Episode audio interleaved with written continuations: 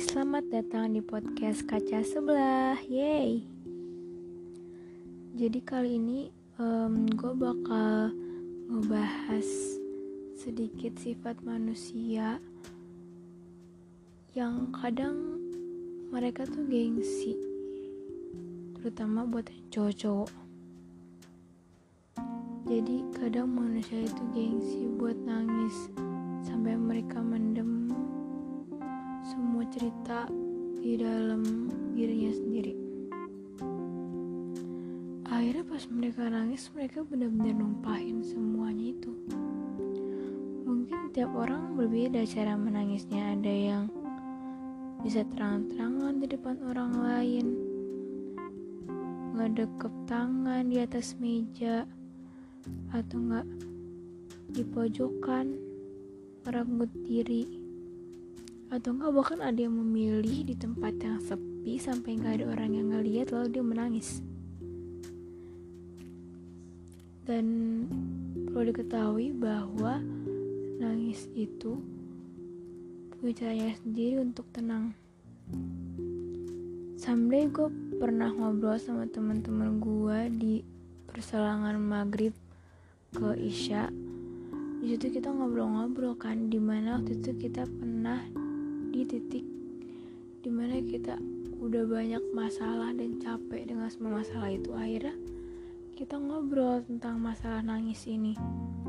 Dan teman-teman gue ada yang bilang hmm, gue kalau nangis gue cuma perlu dipeluk tanpa perlu ditanya kenapa. Ada lagi yang jawab gue kalau nangis gue nggak perlu siapa-siapa tapi setelah itu gue cuma perlu kata semangat. Kayak semangat ya terus tuh nepuk bahu dia. Itu cukup buat mereka. Jadi kayak sampai gue mikir kalau misalkan nangis itu punya caranya sendiri buat tenang. Kita nggak bisa maksa semua orang ngendaliin nangis itu dengan cara yang kita punya.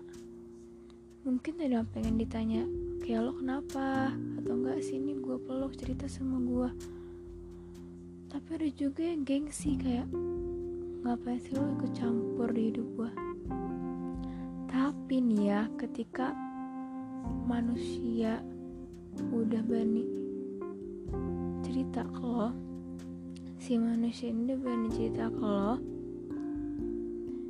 itu berarti mereka udah sampai di titik permasalahannya.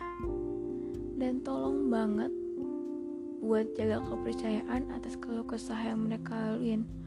Mungkin sampai bakal bilang kalau itu lebay tapi percaya, percayalah kalau manusia itu punya caranya sendiri buat tenang. Contoh, uh, gue nih ya, gue lebih suka nangis sendiri aja. Tapi itu diem-diem, mungkin itu bakal nyakitin sih, tapi ya gue udah kebiasaan dengan hal itu karena gue paling malas tanya kenapa soalnya kalau misalkan ditanya kenapa gue bukan malah ngejelasin kenapanya itu justru gue malah nangis makin kenceng. Dan itu ya makin lama gue nangis dan makin lama dong selesainya. Akhirnya gue lebih suka nangis di dalam diam tanpa pengen ditanya kenapa. Karena itu lebih nyaman dan lebih tenang. Tapi kalau misalkan gue udah bener berhektik kadang gue pengen dipeluk orang lain.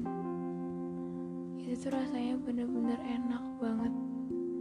Kayak setidaknya gue bisa ngeluarin sedikit berisiknya isi kepala. Udah sih gitu aja. Gue cuma bilang kalau misalkan nangis itu punya caranya sendiri buat tenang. Terima kasih. Selamat istirahat Oh iya satu lagi, gue mau ngasih tahu kalau nangis itu manusiawi, gak ada nangis bersyarat. Bye bye.